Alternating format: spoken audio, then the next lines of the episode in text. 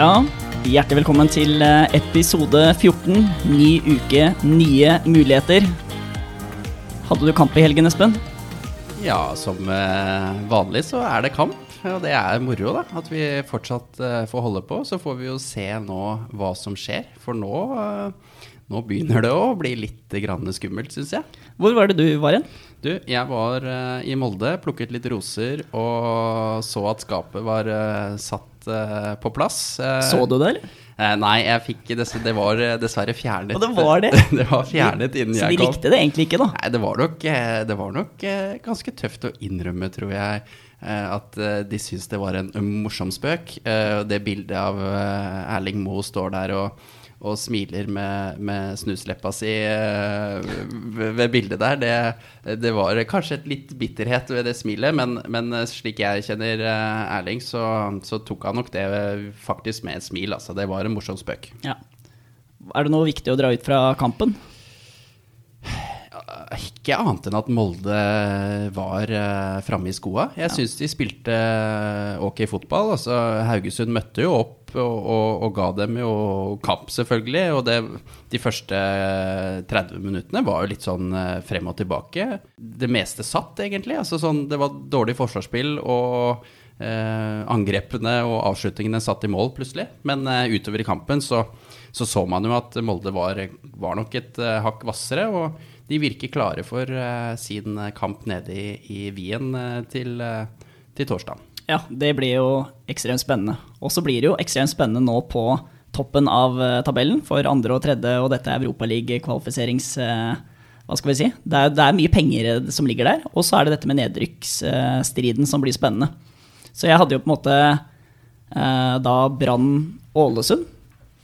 Litt sånn interessant fordi at det var dette med trener Vi har jo en Brann-trener som har gått over til Ålesund.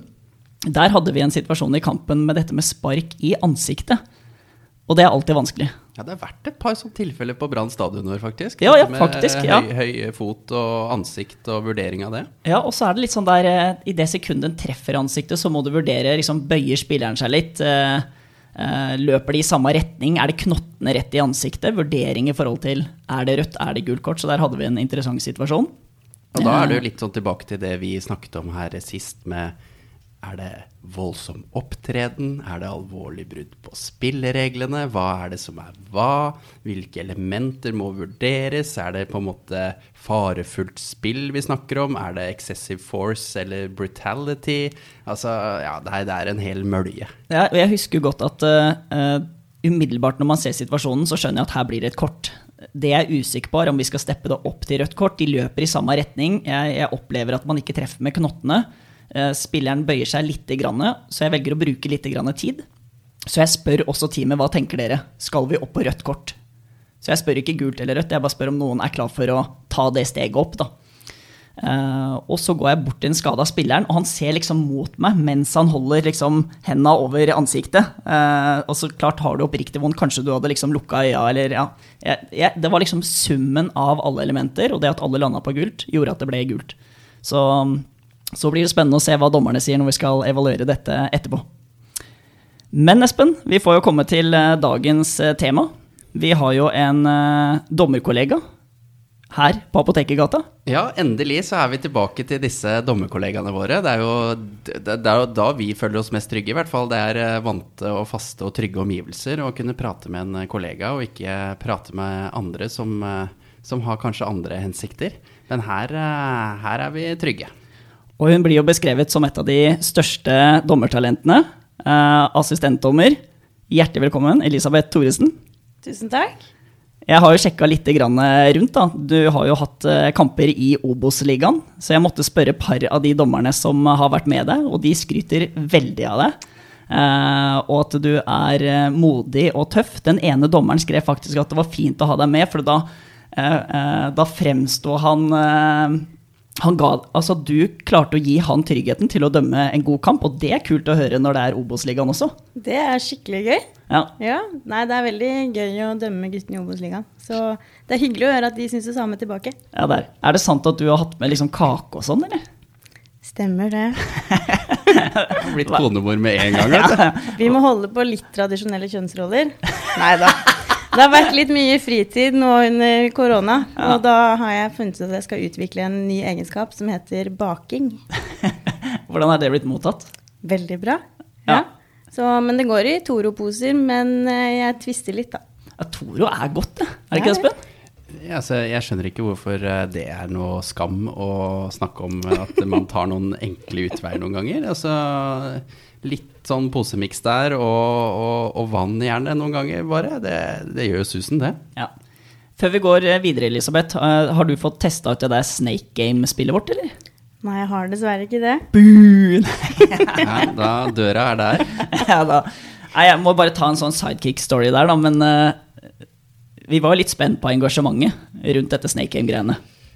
Ja, altså, jeg var spent. Du var jo overbevist om at dette var innertier. Eh, Og det verste er at du fikk jo helt rett. Ja, fordi eh, ja, Det er kanskje ikke lov å si disse dager, men vi hadde noen kohortvenner på besøk da, på lørdagen. Eh, så det betyr at vi lanserte jo eh, pod-episoden på en fredag. Eh, og på lørdag kveld så skulle jeg bare inn og vise dette Snake M-spillet til han kompisen min. Og da hadde hele sida brytet sammen. Så jeg skjønte jo ikke hva som hadde skjedd. Og så fikk jeg, fikk opp sida, men hele Snake Gamet var nede. Og da så jeg at det hadde vært, bare på den lørdagen, vært 600-700 spillere inne og spilt. Så um, ja, da tror jeg vi skal la han være oppe, og det blir spennende å se hvem som eh, går seirende ut. Eh, Det er en som heter Eirik som har 430 poeng, så hvis det er noen lyttere som vil prøve å slå den, så, så hjertelig velkommen. Og så vil jeg utfordre Elisabeth til å prøve seg når, eh, når hun får anledning til det. Ja, Var ikke premien å gå ut på restaurant med dere to? Ja, det vet du, det er jo det er vel trøstepremien, det. Altså, hun, hun har fått med seg premien i hvert fall, så da, da er det bare å spille. Ja. ja. Nei, det er, eh, vi snakket jo rett før, eh, før vi startet her, så spurte Elisabeth om hun var ferdig med julegavene. Er du ferdig med det, Espen? Jeg er jo så vidt startet. Det er jo helt eh, Ja, det er krise.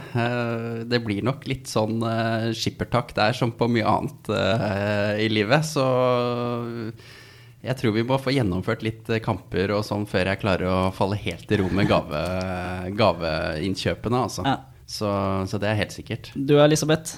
Jeg er eh, nesten ferdig. Ja, men det sant. er veldig julete hjemme hos meg.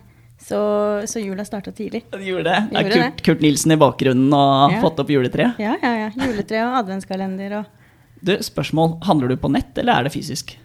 begge deler. Ja, ok. Ja. Så det er miksen, da. Støtter lokalt næringsliv og litt nett. Ja. Ja, hvis man kan kalle, kalle handlegatene her lokalt næringsliv, så, så, så er det riktig, det. Ja, men det er, det er litt trist, egentlig. At vi ikke har de gode Altså vi ikke har klart å beskytte de der eh, gode, gamle, særegne butikkene. Nisjeforretningene, ja. Ja, Det var jo en aldri liten kampanje på Grünerløkka, var det ikke det? Der de hang opp sånn der 'her overtar McDonald's' og sånne ting. Jo. Jo, nei, det er jo sånn det gjerne blir i de store byene. At uh, disse gamle forretningene som er familieeide og gjerne gått i generasjoner, uh, faller vekk og fra. Altså, det var vel ikke lenge siden det var en, en nyhetssak om denne eh, kiosk- og tobakkforretningen på Majorstuen som har på en måte blitt eid av familien i alle år, som nå gikk uh, dørken i, i disse tider. og jeg tror man, eh, man vil nok se flere og flere sånne caser, og, og hvor de større kjedene og firmaene tar over eh, butikkhyllene. Ja, det er litt tøft å drive suvenirbutikk i disse dager, merker jeg. Ja, du merker du, ja. Det liksom Det er bare meg i Du butikken. har, Nei, nei, du har utsalg du, fra, fra leiligheten hjemme. Ja, nei. Gjør det beste ut av det. Lukas sitter i resepsjonen. Ja. Skal vi komme oss videre i programmet, eller? ja, Vi får gjøre det. Ja.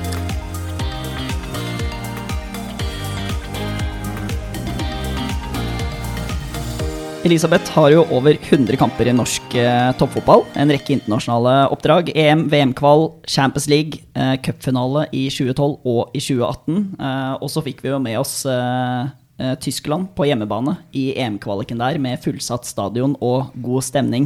Så på tross av eh, ung alder og en lang karriere fremover, det er mye du har fått til, Elisabeth. ja. Jeg må jo være litt stolt av det, da. Det er Men kult, det er kjempegøy å dømme fotball. Men hva driver du med til vanlig? Jeg er eh, jurist i Oslo kommune, så jeg sitter på rådhuset, eller ikke nå, da, men til vanlig sitter jeg på Oslo rådhus og er rett og slett eh, rådgiver for, eh, for byrådet der. Er det en kul arbeidsplass? Det vil jeg si. Og, og nå i disse tider, som folk ikke liker å kalle det, så har det vært veldig mye aktivitet. Veldig mye dagsaktuell aktivitet. Okay. Så, så det er absolutt en spennende arbeidsplass å, å ha. Hjemmekontor? Hjemmekontor. Åh, hvor lenge tror du det varer? Nei, det er veldig vanskelig å si. Ja. Men eh, har sittet der i ni måneder, og kanskje må sitte her i ni måneder til. Hvem vet? Ja. Er, sikt, Eh, er det sånn at du har vært hoveddommer i toppserien også? Ja, det stemmer. Jeg kom opp i 2013 som toppserie... Som hoveddommer i toppserien. Ja. Toppseriedommer. Er veldig dårlig luft her i apoteket? Jeg har det. Ja, det er noe uvant å kalle meg hoveddommer. Ja, ja, jeg ser er som assistentdommer på hva blir det, sjette året. Ja. Ah, shit. Tida flyr. Ja, det går fort. Ja. Og det, det er jo Men når du liksom ramser opp eh, alle disse kampene og opplevelsene, så, så er det jo vanskelig å si noe annet enn at eh, det har jo, som du sier, på tross av eh, en kort karriere fortsatt, altså det er jo langt igjen av eh, din aktive dommerkarriere, så har man jo fått oppleve utrolig mye bra. Så, så det må jo gi liksom mersmak for eh, veien videre. Absolutt. Det, det frister veldig å, å komme så langt som mulig. Mm. Eh, målet er jo å komme opp til dere guttene i Eliteserien på et eller annet tidspunkt, kanskje. det er. Og, Ja, der er vi. vi, vi, vi, vi jeg liksom tenkte på om jeg skulle spørre men Ja. eh, nå sa hun det selv, så det er Ja. bra. Det er bra. ja, det er dødskult. må tenke stort. Ja. Og så tar vi små steg, men man må tenke stort. Ja. Og så, eh, men, nei, men det har vært veldig mye, og veldig mye fotballrelaterte opplevelser. Ikke bare kamper, men eh, reising rundt om i verden og Norge i fotballsammenheng, og det er veldig, veldig gøy. Kult. Eh, er det noen av dommerne i toppserien som er fulltidsprofesjonelle? Nei, det er det ikke. Vi er eh, alle ansatt til en, en liten stillingsprosent. Ja. Um, men, men eh, alle er enten studenter eller arbeidstakere et annet sted også. Ja, Så her kombinerer noen liksom familieliv, jobb og dømminga. Absolutt. Veldig mange har opptil flere barn og 100 stillinger, og, og dommere på fulltid i, i helgene. Ah, det krever litt, altså. Ja, det er litt en jobb. Altså, herregud. Og det er jo det også Jeg ser jo altså, Ja, hva skal jeg si? Vi eh, Livsstil. Det er livsstil. Ja, det blir jo livsstil, men jeg skulle mer inn på at vi verken eh, føder eller bærer barn. Og, og jeg Aldri ser si jo aldri. ja, ja, ja. La oss ikke håpe vi havner der, men, men det er jo flere av jentene både på AD og dommersiden som eh, har barn, kommet tilbake, og, og jeg tror det er vanskelig for oss å sette oss inn i hva det krever, rett og slett. Eh, fysisk, mentalt. Eh, Det å, å klare å tilrettelegge for en hverdag med småbarn, eh, familieliv generelt, og skulle være 100 forberedt til kamp, altså det er Det krever sitt, tror jeg. Ja, for det er et viktig poeng det dere nevner der med at dette er en livsstil. Eh, vi er ikke bare på fotballbanen i 90 minutter eh, hver helg. Dette er eh, noe du må ta med i hverdagen din hver eneste dag. Du skal trene, du skal Ja, de som har barn, skal hente i barnehagen, ha tid til å trene.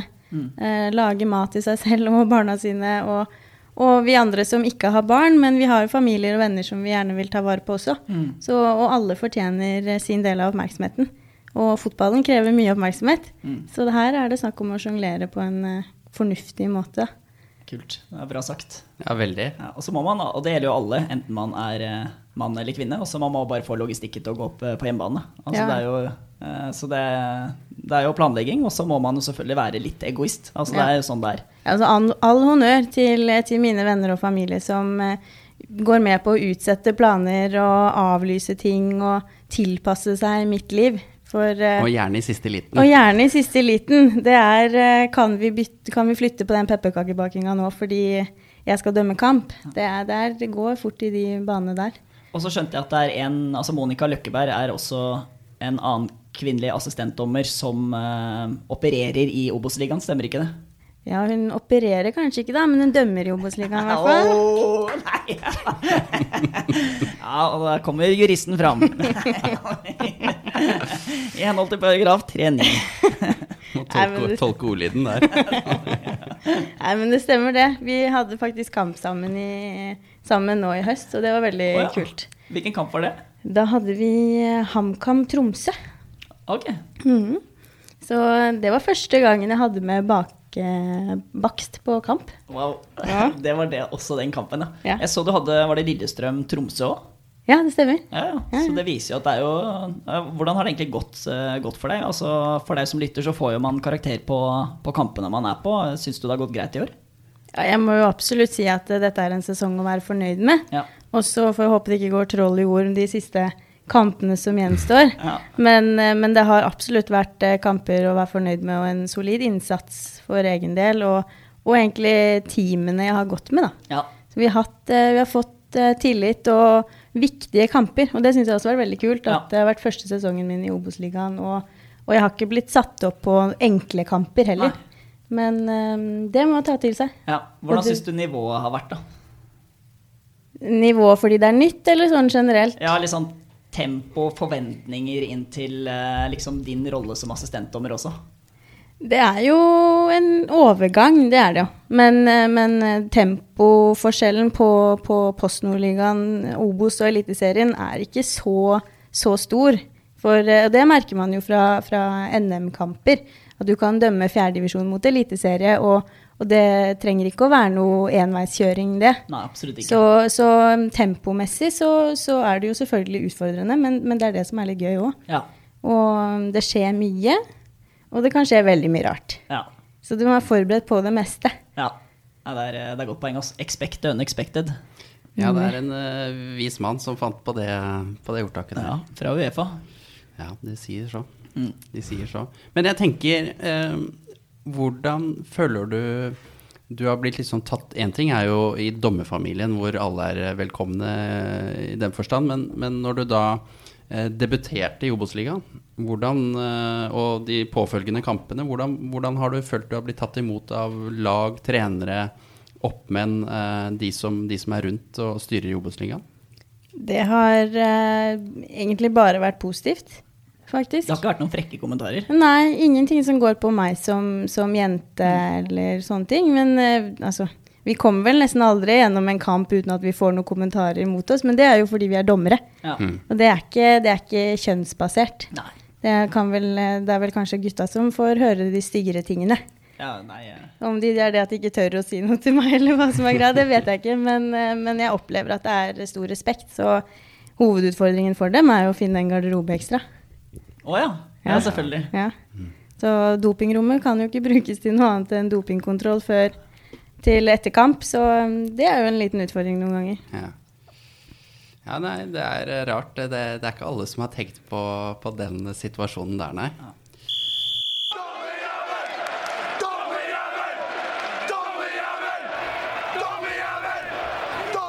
Men eh, er det en utfordring dette her at uh, man uh, skifter sammen gutter og jenter? Altså, hvordan opplever du det uh, i garderobene? Så det er jo en utfordring, det, det er det jo på en måte. Men, eh, men det er ikke noen ubehagelig eller sånn type ting. Eh, Men vi har jo vokst opp i et blanda miljø, for så vidt. Eh, Jeg har jo dømt eh, herrefotball eller gutte- og jentefotball eh, i alle år, og vi har jo vært miksa team i, på veldig mange kamper. Men eh, nei, vi løser det ved at jeg går inn i dusjen eller går, eh, går inn på toalettet og skifter, da. Og så banker jeg på døra og spør om de er klare. Så de må være litt raskere da når de har med seg meg. Jeg kan ikke valse rundt I- garderoben. ja.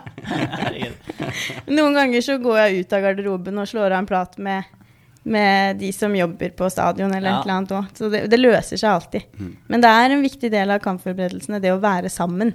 Og, um, og om ikke vi må være liksom, med sammen med hverandre i garderoben hele tiden, så er det noe med å ikke bli plassert uh, alene på andre siden av stadion eller ja, En gang fikk jeg tilbud om å dra til et grendehus og dusje der etter kamp. Da står jeg heller og venter til guttene er ferdig dusja. Ja, nei, Grendehus er jo så koselig.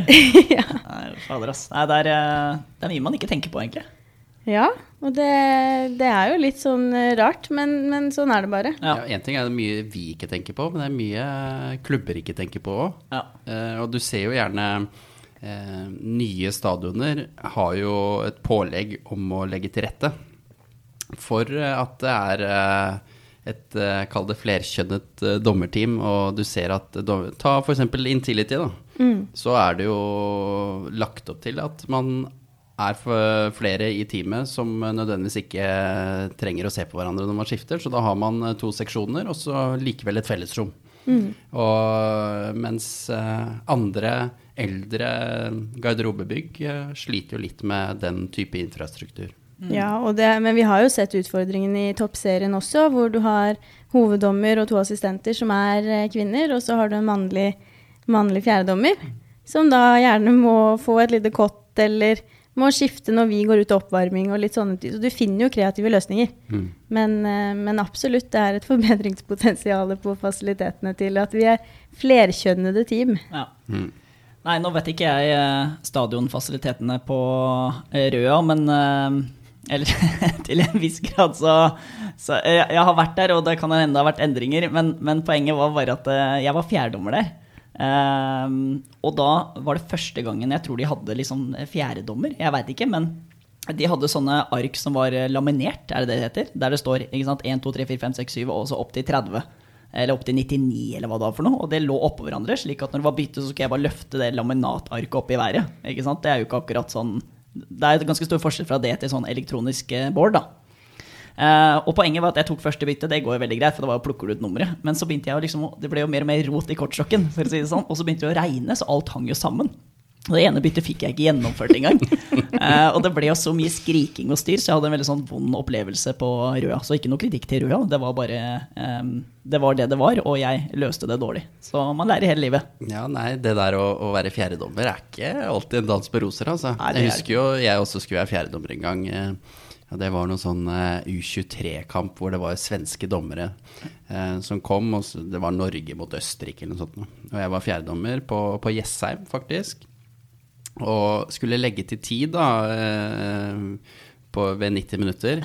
Og fikk liksom beskjed om at vi, vi kjører eh, Vi kjører eh, tre minutter tillegg. Sånn klassisk standard tilleggstid. Og så var dette en ny type tavle som jeg ikke hadde satt meg noe inn i før. Så jeg skjønte ikke helt hvordan jeg skulle få inn tre, bare tre, uh, i dette opplegget her. Så jeg, jeg trodde jeg fikk det til, da, og så viser jeg liksom tilleggstid på 90. Og så får jeg liksom beskjed på headsetet da, altså, få ned tavla, Espen, du viser jo 30 minutter! Så det var ble jo helt choke. Så, så det her med Det trenger ikke å være laminerte ark for at det skal gå til pokker, altså, med, med tavle og styr. Men det der har jeg klart en gang også, i semifinale i NM. Og da roper de ned fra, fra kommentatorboksen 'Jeg tror du mener ett minutt', og legger til ti minutter i en semifinale. Det ble heldigvis kommunisert ut at det var bare ett minutt som gjaldt. Ja, Men det blir gjort feil. Jeg så jo, for nå er det vel litt mer sånn at det er trenertid altså, altså Det er ikke alltid fjerdedommeren som viser denne innbytte, altså tilleggstida. Ja, jeg, holdt, jeg trodde du skulle si at nå er det jo treneren som bestemmer tilleggstida. Ja, ja, ja, ja, ja. Jeg trodde det. Han bare sier fra til meg. Ja, men, men poenget var at da, altså, det gjøres jo feil hele tida. Ja. Uansett nivå. Ja, det er riktig. Um, og så merker jeg at det er Men, sånn men du er jo inne på noe, da. Fordi Ja. i hvert fall internasjonalt så, så vil du jo minimere kontakt eh, mellom kohortene. kohortene. Så hvert lag har jo hver sin tavle. Og i forhold til å vise både innbytte og sånne ting, så er det jo Ja, fjerdedommeren sjekker jo spillerne hva gjelder utstyr. Han sjekker jo numrene i forhold til lagoppstillingen og, og de arkene vi har. Men så er det gjerne oppmannen til uh, ja, det respektive laget da, som faktisk viser bytte med tavla. Uh, eventuelt, i verste beste fall, gir, gjør alt klart og bare gir tavla til fjerdedommer, så han bare kan holde den oppe og, og ferdig, da, for å liksom minimere alle mulige kontaktflater. Og, og da ser jeg jo sånn at eh, hvis en eh, oppmann får beskjed om fem minutter og, og ikke har gjort så mye eh, tavlebruk før, så ser jeg at det kan bli feil. Det er kaos. Ja, fordi det var det som var poenget her. Det sto 05. Altså det Ja, ja. De, de klarte ikke å trykke på den F1-knappen, som Ja. gjør at det bare vises ett tall. Ja, F1 heter det, Nå, nå merker jeg at vi er skikkelig nerdete. Det er, det er helt krise. Det er temaskifte. Du har jo gjennomgått et uh, ganske uh, heftig studie, da, Elisabeth, uh, på UiO, altså juridisk avdeling. Jeg har jo erfaringer derfra selv, så jeg vet jo hva det innebærer. Det er jo fantastisk gjort. Jo, takk. Det, det var krevende studie, men jeg har vel egentlig visst veldig lenge at det var juss jeg ville gå. Så, så jobbet målrettet mot å komme inn på, på jusstudiet i Oslo. Så tok jeg deg igjen etter hvert, Espen. Ja, det var veldig hyggelig, og det er jo liksom sånn eh, Det er jo ikke en hemmelighet at eh, eh, jeg har vært på jussen, det har vi snakket om eh, tidligere. Og, og det fine på, på jussen er jo, som egentlig kan sammenlignes litt med, med dømmingen, er jo egentlig miljøet. Eh, og det, det er noe jeg liksom savnet, husker jeg etter hvert der. At det, det fine miljøet som var på jussen. Så var det liksom fint når Elisabeth kom, og så eh, er det jo ikke en hemmelighet at Emilie eh, som også er dommer i toppserien, eh, har, studert eh, sammen med deg, og dere hadde jo på en måte et parallelt løp eh, sammen der. Eh, så jeg tenker jo Det er jo viktig for, eh, for folk å skjønne at det er jo mulig å få til eh, å være, kall det, best på begge områder. Eh, er det, hva er liksom oppskriften din til å få til det, da? Oppskriften min er eh, trivsel og miljø, faktisk. Eh, så du er veldig inne på en viktig faktor her, Espen. For eh, første halvåret mitt på jussen så tenkte jeg at dette gidder jeg ikke mer. Eh, snakket med foreldrene mine og sa at nå bytter jeg studie. Og så sier de at nei, nei, du gir ikke opp. Du, du er ikke typen som gir opp, så her prøver du litt til. Og så blir du kjent med enda flere, du kommer inn i studentmiljøet, blir en del av en forening. Og, og da blir det en så viktig del av hverdagen din at det å lide seg gjennom tusenvis av timer på lesesalen, det går fint. For du gjør det sammen med mennesker som du ja, syns det er gøy å være med. Og, og det er eh, ja, litt sånn eh, dommergruppa. Vi er en prestasjonsgruppe. Vi, vi ønsker å gjøre hverandre gode, og vi jobber mot at vi selv skal bli så best som vi kan. Og, og det opplevde jeg i hvert fall med mine venner på jussen. Og at vi, vi hadde gode kollokvier, og vi, vi samarbeidet om det som var vanskelig, da. Og det, det trengs når du skal bruke så lang tid på et, på et ganske tungt studie hvor du blir overlatt veldig mye til deg selv. Og, og det er jo ja, Mange trekker jo parallellen om at ja, fotballdommer og jurist, altså du må jo være en regelrytter av rang. Firkanta. Ja. Men eh, vi er gode på skjønnsvurderinger, da. Ja, helt riktig. Vil sikkert noen mene at vi ikke er.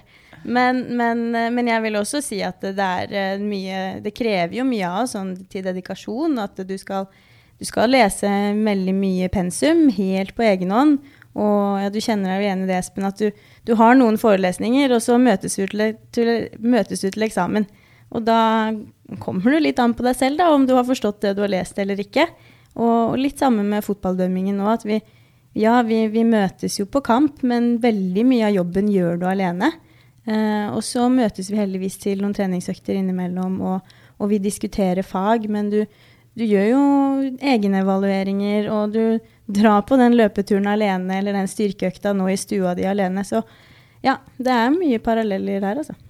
Ja, det er, det er jo veldig interessant å høre på, for Elisabeth har jo mange gode poenger her. Og dette med at eh, man eh, jeg, jeg kjenner meg jo igjen i det å bli kalt eh, liksom Ja, du må jo elske regler. Altså, hallo, juss og fotballdømming.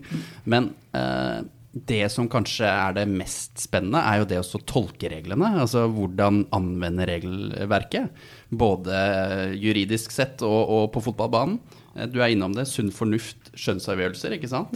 Hvordan Altså, ja, regelen sier én ting, men hvordan skal vi tolke det, da? Eh, Hva er ordlyden her? Hvordan skal vi praktisere det eh, på fotballbanen? Og det er det, den dynamikken der med å, å Du har et regelsett, du skal praktisere det. Hvordan tolker vi det? Og det er jo derfor Vi mennesker er jo forskjellige. Det er derfor gjerne ikke alltid like eh, avgjørelser kanskje blir behandlet likt, fordi vi tolker det forskjellig, og vi vurderer det forskjellig.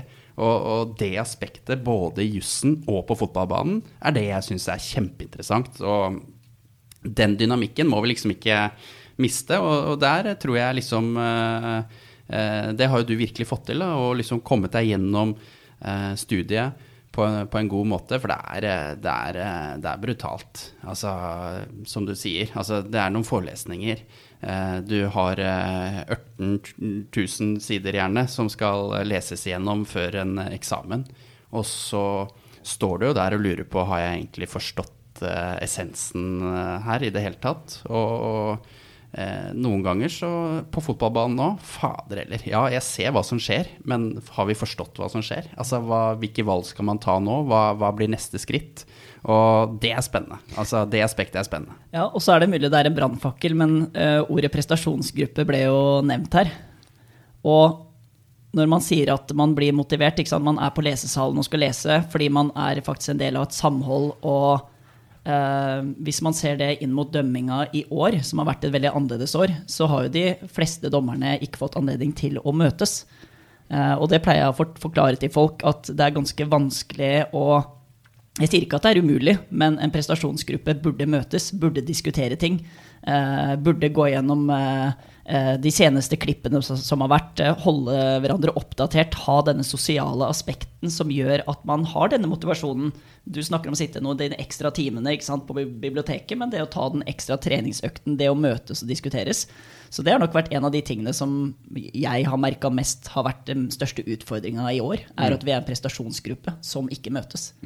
Eh, og da er det et enda større ansvar som ligger på individet. Selv om Teams og den biten der har løst noe, så, um, så tror jeg ja, Jeg har sagt det mange ganger før, vi ser frem til eh, hverdagen kommer tilbake igjen, altså. Ja, nei, det er helt sikkert. Jeg har jo kjent på veldig den her viktigheten med fotballen og døm dømminga nå i denne situasjonen som vi er i. Fordi det, det har vært en, eh, en motivasjonsfaktor også til å komme seg litt gjennom denne trasige hverdagen som vi nå har. At eh, du må komme deg ut og få litt luft, eller eh, du må komme deg på den trenings, treningsturen. Eh, Istedenfor å bare gå fra hjemmekontoret på, på spisestua til uh, avslapping på sofaen. Jeg er enig. Og, Og for de som ikke følger Elisabeth på Instagram, så er det bare å gå inn med en gang. For der legges det ut uh, treningsvideoer fra Frognerparken med forskjellige typer øvelser. Uh, Om ikke daglig, så i hvert fall ukentlig. Så der er det i hvert fall nok av inspirasjon. Ja, men det har jo faktisk vært en greie at jeg har brukt disse dommerpengene mine fornuftig, og har, eh, har rett og slett eh, engasjert en PT som, som hjelper meg gjennom alle disse kjipe øvelsene. Ja. Mye sånn skadeforebyggende og, og den type arbeid, og, og da er det veldig greit å ha noen som kan motivere deg på en lørdag til å, til å ta den økta før du har kamp eller et eller annet. For det er veldig lett å slå seg til ro med at ja, ja, men jeg skal jo bevege meg i morgen, så trenger jeg å gjøre det i dag. Nei, jeg skjønner at. Kvalitet i treninga er viktig, og det å faktisk ha litt tett oppfølging, om det er PT, om det er en coach, om det er noen som overvåker deg litt, det hjelper jo. Selv om det noen ganger kan være en negativ motivasjon, men en negativ motivasjon som definitivt gir noe tilbake. Absolutt.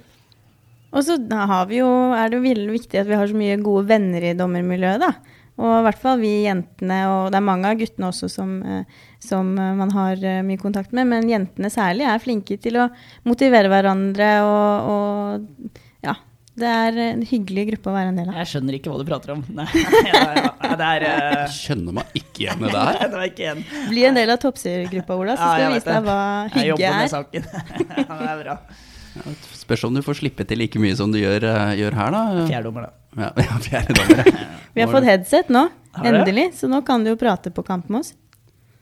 Ja, frem, frem med tallene på transparente ark, da, så blir det bra, det. Ja, nei, men Dere har proffe innbyttertavler nå, ikke det? Altså, Jentefotballen henger ikke så langt bak. Nei, ok, da, det, det var fleip, da. Nei.